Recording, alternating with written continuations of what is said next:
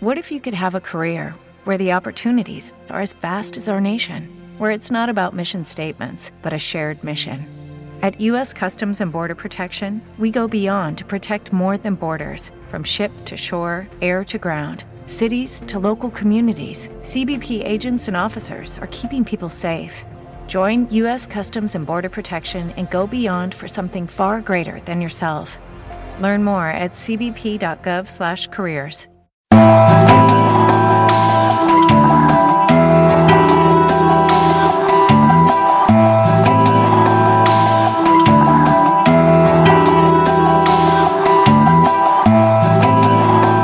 bon dia, amics i amigues. Benvinguts, eh, benvingudes una setmana més a un espai per la igualtat, on eh, contem, com sempre, amb la col·laboració de la gent d'Igualtat de l'Ajuntament d'Alcira, Raquel, José i Xafer. Raquel, molt bon dia. Hola, molt bon dia. Bé, avui anem a continuar parlant eh, d'aixòs tallers i qual formació que es realicen cada divendres en el Centre Municipal d'Igualtat al carrer de la Sang número 20 i que esta setmana toca parlar de què és la dependència i com ens afecta.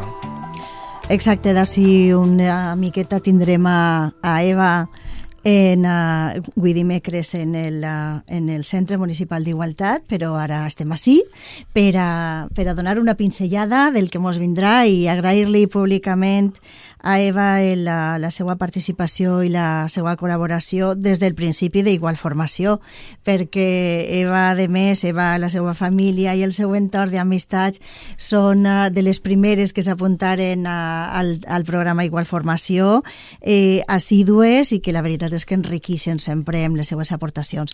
Eh, Eva és la presidenta, no, la presidenta, no, perdó, la Eva Guzmán Monteagudo. Eva Guzmán Monteagudo, sí senyor, que estic així jo. Estàs xerrant tant, eh, tanta estona en ella que no t'has recordat. Exacte, ja no li dic ni, ni com toca. Molt bé, pues sí, Eva Guzmán Monteagudo és la coordinadora del País Valencià de la plataforma en defensa de la llei de la dependència. És una plataforma d'àmbit estatal que, que, que, bueno, que eh, realment està, està defenent tots els, uh, els recursos i defenent el que se fique en marxa, el que s'aplique la normativa, eh, tant autonòmica com la normativa estatal. La plataforma comença en 2007 en Alacant, però Eva mos heu contar un poc millor. Sí. Eva bueno. Guzmán Monteagudo, buenos días, muchas gracias por estar así. Hola, buenos días a todos. Bueno, soy Eva María Guzmán Monteagudo y soy miembro de la Plataforma por la Autonomía Personal y la Dependencia de la Ribera desde el año 2009 que nos constituimos. Eh, las raíces vienen desde Alicante, que al ver que la demora, puesto que esta ley empezó en el 14 de diciembre del 2006, y a fecha de, de mayo del 2007 todavía no había arrancado, no sabían por dónde tirar ni nada, pues los de Alicante se desesperaron y empezaron a unirse. Y luego hicieron como un peregrinaje para ver si había más gente interesada por, por esa inquietud. Y entonces en el 2009 pues nos ayudaron a constituir la plataforma de la Ribera de la que soy miembro y con los años y la lucha, pues he llegado a ser coordinadora, desde el 20 de noviembre, coordinadora de Valencia, Castellón y Alicante. Yo me reúno con la secretaria autonómica y, con los de consellería para a, tratar puntos que todavía faltan por, por refinar. Bueno, deciros que en primerías eh, Pensamos que esta información no había llegado a todo el mundo, que había mucha confusión, que algunos ni sabían que existía. Decir que es una ley que, igual que es obligatoria la educación, la sanidad pública y las pensiones, esta también es una ley que es obligatoria para el cuidado, el apoyo de nuestras personas dependientes. ¿Qué quiere decir? Pues que ya sean desde bebés o ya sean personas mayores por el deterioro de la vida, o ya sea por accidente, eh, hay un momento en la vida en que necesitamos apoyos. Eh, la verdad es que los humanos nacemos dependientes del, del, minuto uno, puesto que nuestros bebés no, no, ellos solos no se pueden proveer. No como los animales que en cuanto nacen ya buscan la comida, ya van madurando, pero ellos se van solucionando independientemente. Las madres no tienen que estar tan tan cerca. Entonces, eh, hicimos una ruta por la ribera, fuimos a, Albalat, fuimos a... ya lo diré. Bueno, por diferentes eh, puntos del alrededor de Alcira con nuestras charlas para, para sensibilizar a la gente en la que esta ley es obligatoria de cumplimiento. Entonces, ahí nosotros explicamos que la ley, eso, es un, eh, se aprobó por unanimidad, eh, tuvo muchos fallos al, al, implantarse, puesto que no fue sin partida presupuestaria. Entonces estuvo unos años muy detenida, desde el 2007 hasta el 2010 o 12 más o menos estuvo muy detenida. Los expedientes acumulaban y no daban resoluciones.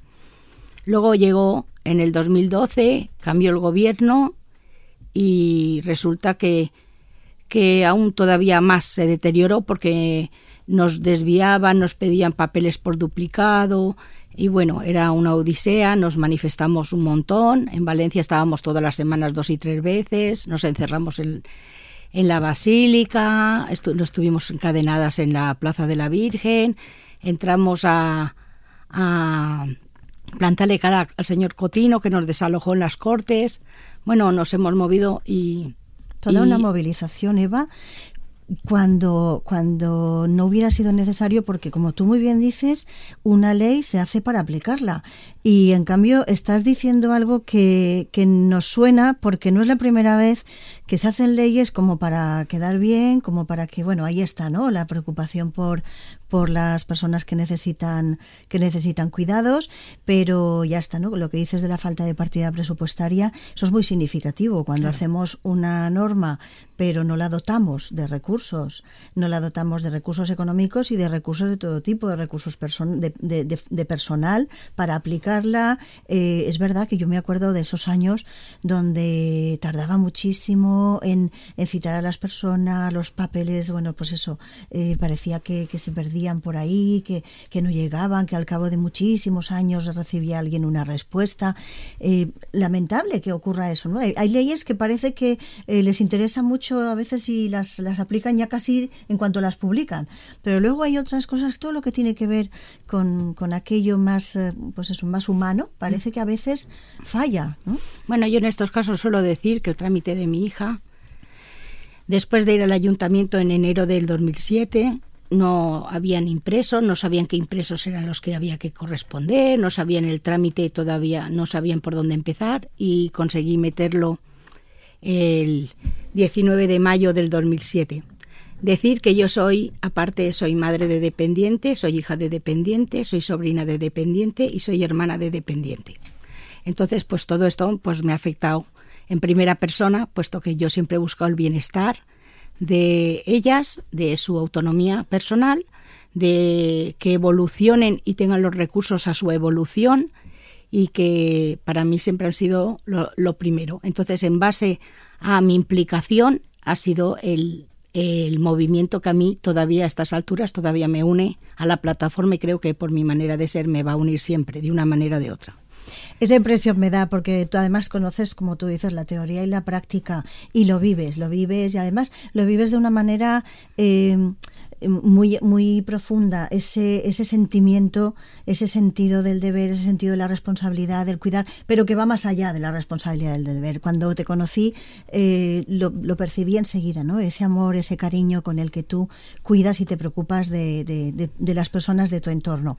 Así que no me extraña que estés lanzando, que te hayas movilizado y, y vamos a ver qué hemos conseguido, o mejor dicho, qué habéis conseguido con vuestras movilizaciones, cómo está la situación ahora, qué recursos tenemos. Sí, pues en un principio eran, ya te digo, el expediente de mi hija entró en el 2007 y se resolvió en el 2015.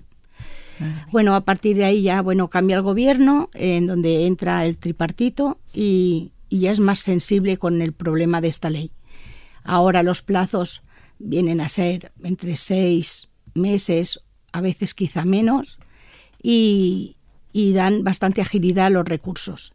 Entonces, tenemos el, el primer recurso que, lo, que en principio daban era el de cuidador en el entorno familiar porque era el más práctico. Tenían una señora 24 horas al día por un precio simbólico y con unas cotizaciones a la seguridad social para la vejez, pero ni te corresponde médico, ni te corresponde farmacia, ni te corresponde bajas, ni vacaciones, ni nada que es el que tenemos actualmente. Estamos trabajando para a ver si se consigue mejorar un poco. Luego hay otro recurso que es el de servicio de atención domiciliaria, en el que el usuario dice no tengo a nadie en la familia, pero si necesito ayuda, entonces ya se valora y se va mandando desde una hora a la semana hasta la necesidad que pueda tener la persona. Y ahora con el movimiento de nuestro ayuntamiento, que está muy sensible, querían ampliarlo para que las personas que viven solas tengan algo de, atención en las noches y en los festivos porque están solos. Eh, luego el siguiente recurso es el centro de día, que se van por la mañana y, vuelven por la tarde. Eh, se suelen ir sobre las 8 y 20, vienen sobre las 6 y 20 y es compatible con el cuidador en el entorno familiar, porque esa persona cuando se va a mover necesita una atención y cuando regresa a la casa todavía quedan muchas horas. Entonces es compatible. El de, el de teleasistencia, que es el que ahora han generalizado para todos los expedientes, es para todos. Desde que metes y te designan una mínima grado de dependencia, la teleasistencia es automática. Entonces ahora lo que han modernizado es que en vez del botón que tiene que presionar la persona, han sacado unos relojes en los que si se cae la persona en el momento que la cuidadora ha salido a hacer algún trámite, eh, si está X minutos inmovilizada la mano, él solo activa la alarma y llega una ambulancia medicalizada que tiene llave de la casa, que entra, que valora y que ya actúa. Si solo es que se ha caído, la incorporan, la aseguran hasta que llega el familiar. Bueno, te llaman en ese tanto. Y si es algo más grave, como lleva el médico, la llevan al hospital y comunican a la familia que la persona que cuida está en el hospital. Vale, eso es un recurso magnífico, ¿verdad? Es, un, es, un, avance importantísimo. Y fíjate, no lo había pensado, claro, el brazo, la mano, es, eh, es una parte de nuestro cuerpo que, que está en constante movimiento. entonces, eh, esa sensibilidad ¿eh? de, de, de, que sea la persona inmovilizada, pues es, es mucho más fácil para, para despertar las alarmas. ¿no? Me parece, me parece una, una, opción magnífica y lo desconocía. No sé si, si estaremos dando una información que también vendrá, eh, vendrá bien a quien nos está escuchando. Eh, creo que, como tú dices, se han aumentado los, los recursos porque, claro, la persona dependiente son 24 horas al día.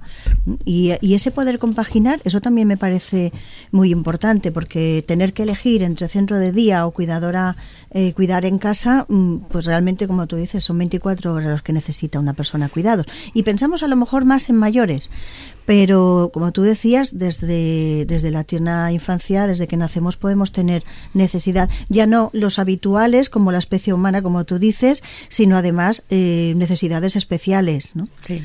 Bueno, luego están eso, las necesidades sobrevenidas por enfermedad que se presenta o por accidente. Entonces todo esto está reflejado en esta ley, que hay un libro que se llama el libro blanco de la dependencia, que está en internet, si alguien tiene curiosidad se lo puede descargar y lo puede ir ojeando porque ahí refleja todo, todo lo que abarca esta ley. Luego está el siguiente recurso es el de el de servicio, a ver, prestación vinculada al servicio.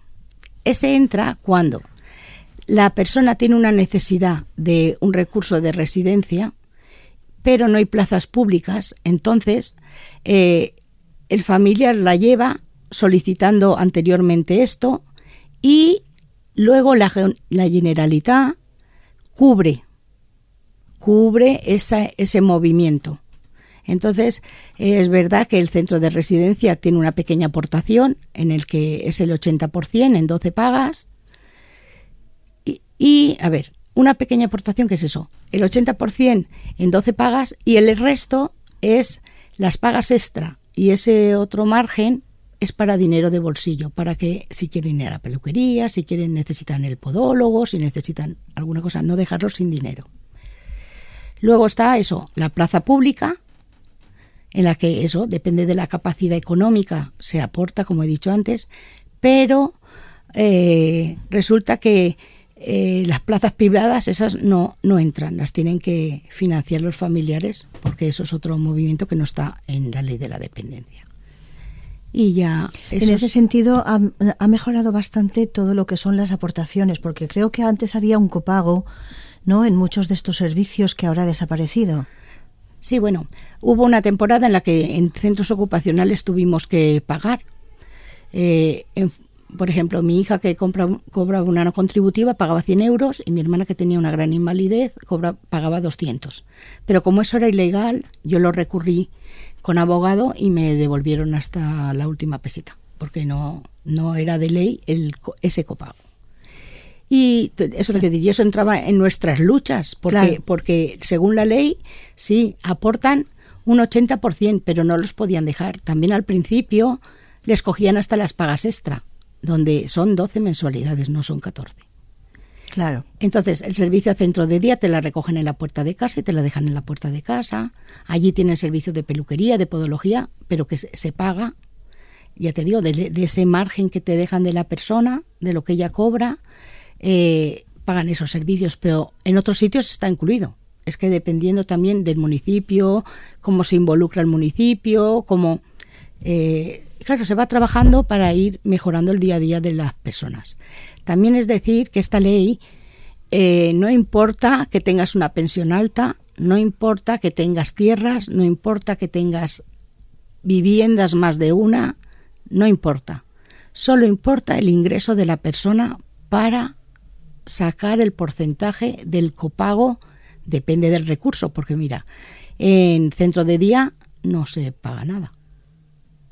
Pero en, residencial, como ya la persona vive en la residencia, sí tiene un poco de copago. Claro. Y como dices, eh, no miran la, unidad familiar o no miran las propiedades, sino los ingresos de la persona dependiente. ¿eh? De la persona, tanto adulta como menor, de quien tenga la dependencia, sus propios ingresos, los que van a ser el baremo, que, que, bueno, parece bastante más justo que mirar, que mirar otras, ¿no? otros ingresos o de la familia. Sí, porque la mayoría de ayudas te piden el de la unidad familiar, donde yo creo que es erróneo, puesto que en la unidad familiar, por ejemplo, yo hemos sido cuatro, mi hija lo que cobraba lo necesitaba para cubrir sus necesidades, mi hermana para las de ella, mi tía para las de ella y mi mamá para las de ella. Entonces, yo cuando iba a solicitar alguna ayuda o alguna cosa me decían, no, no estás fuera, porque entran muchos ingresos en la vivienda.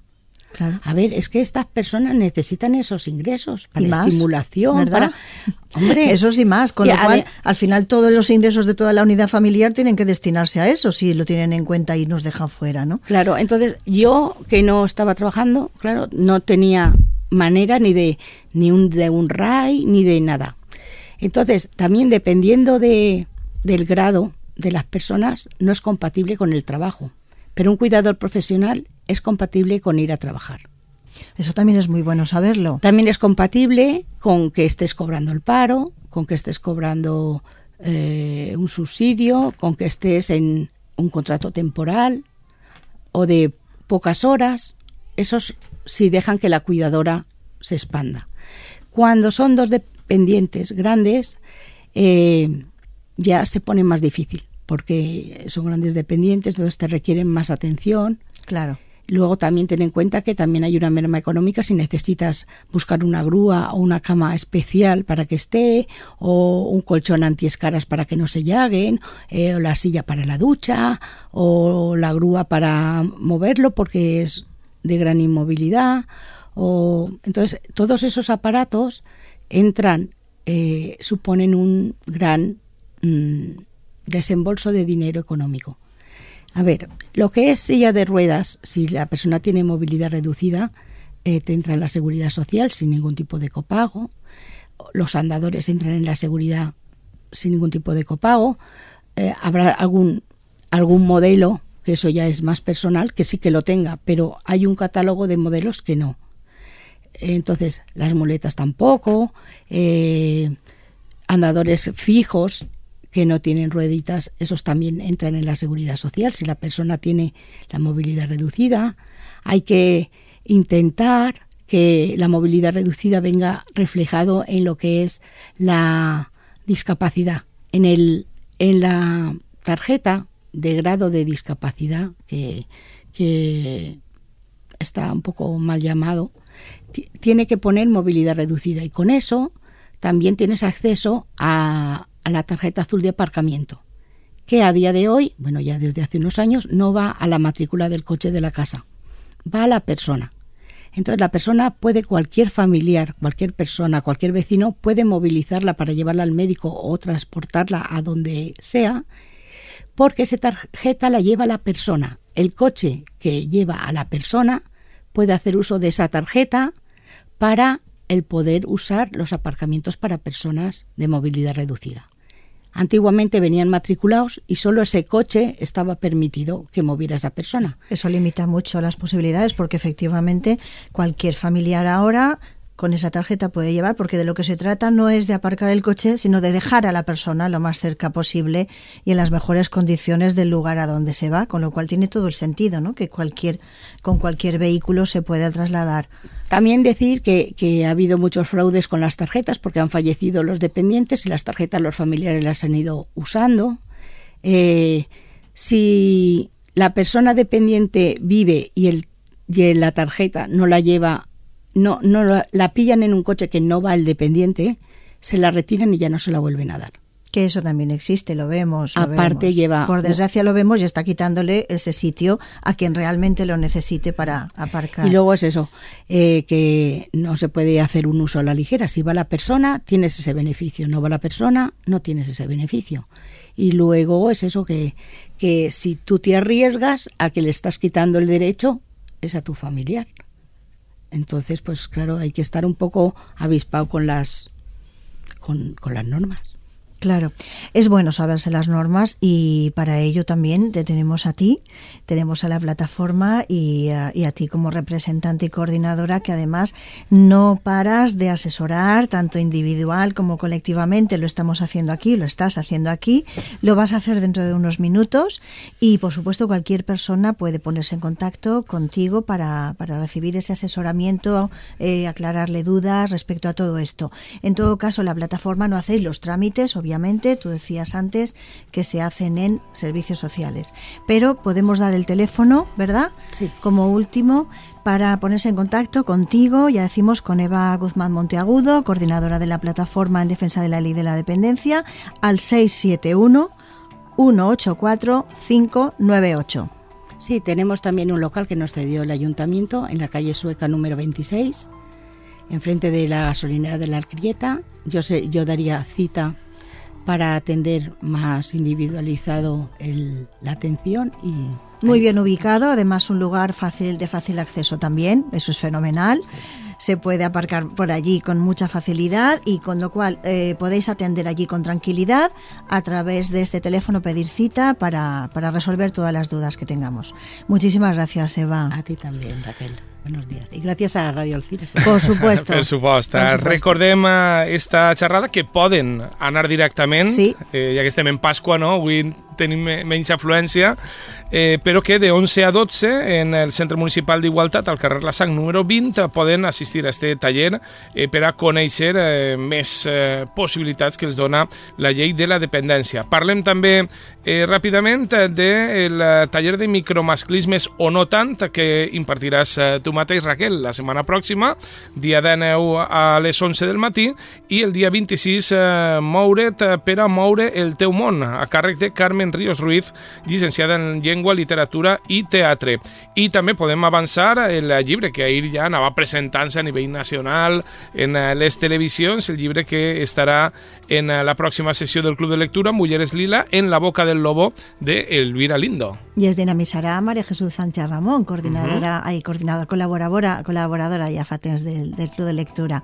Serà I el dia 27 en la Biblioteca 27, Municipal a les sí, de la vesprada. Sí, i ara se n'anem, Eva, a fer la, la xerrada, la macroxerrada, perquè això ha sigut un tast de tot el que ens pot informar Eva, així que se n'anem en seguida a, al Centre d'Igualtat. Molt bé, moltíssimes gràcies. Fins la pròxima setmana i així estarem amb un espai per la igualtat. Recorden que poden escoltar este i d'altres programes a través eh, del podcast Un espai per la igualtat en l'aplicació iVox. Adeu!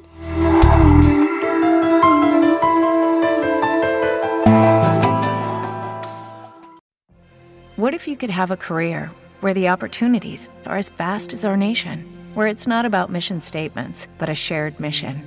At U.S. Customs and Border Protection, we go beyond to protect more than borders from ship to shore, air to ground, cities to local communities. CBP agents and officers are keeping people safe. Join U.S. Customs and Border Protection and go beyond for something far greater than yourself. Learn more at cbp.gov/careers.